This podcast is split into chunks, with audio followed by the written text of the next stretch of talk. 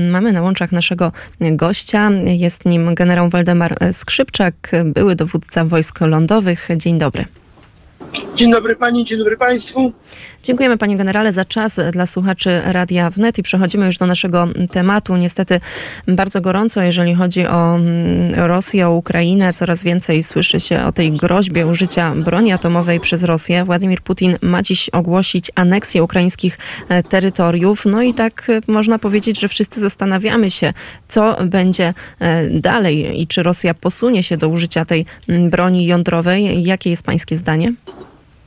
Znaczy generalnie widać po poczynaniach, które czyni Putin i jego ekipa, że oni są zupełnie oderwani od rzeczywistości.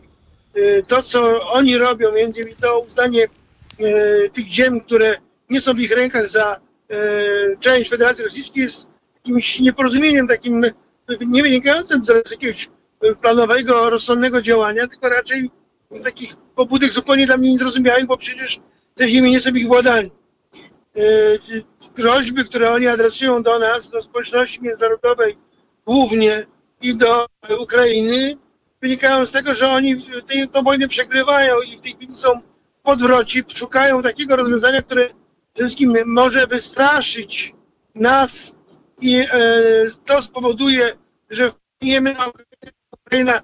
Tych operacji ofensywnych, które prowadzi Ukraina, nie prowadziła, żeby Ukraińcy stanęli na tych liniach, które Rosja próbuje wyznaczyć, ale uważam, że absolutnie to jest nieuzasadnione i Rosjanie na to liczyć nie mogą.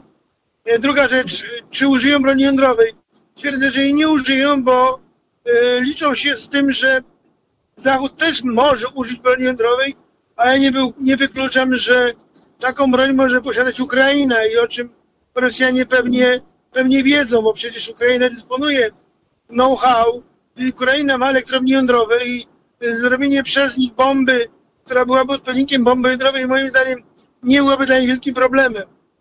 Zatem e, uważam, że użycie broni jądrowej na razie jest tylko w fazie e, gruźb, które adresowane są do społeczności międzynarodowej po to, żeby złamać wolę wsparcia Ukrainy w jej wojnie przeciwko Rosji, którą Rosja ewidentnie przegrywa.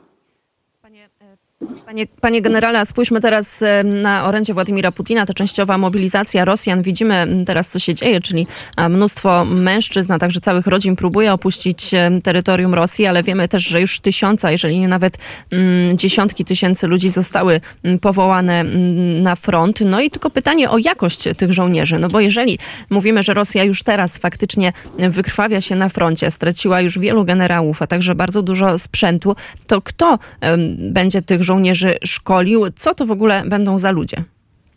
Znaczy generalnie widać, że ta częściowa mobilizacja jest aktem desperacji Rosjan, ponieważ im brakuje żołnierzy na froncie. Ta mobilizacja w żaden sposób nie była przygotowana. Nie sprawdzono systemu. Widać wyraźnie, że system, który stanowi o strukturze państwa, o jego mocy, nie zadziałał w ogóle. Ta mobilizacja to jest jeden wielki chaos. Administracja wojskowa rosyjska jest w rozpadzie, jest skorodowana, jest skorumpowana i moim zdaniem to niewiele przyniesie, jeśli chodzi o poprawę zdolności armii rosyjskiej, bo ci żołnierze są brani ad hoc często, nie stanowią osobą który mógłby stanowić zwarte jednostki wojskowe z uwagi na to, że oni są nieprzygotowani, są nieszkoleni. Od blisko 20 lat Rosjanie nie szkolili swoich rezerw osobowych, a pieniądze, które były przeznaczone na szkolenie rezerw osobowych, były systematycznie rozkradane. Zatem nie mają zasobu wyszkolonych rezerwistów, więc ci żołnierze, którzy trafiają na front, mięso armatnie, które ma zatkać dziury we froncie, które wybijają skutecznie Ukraińcy i Rosjanie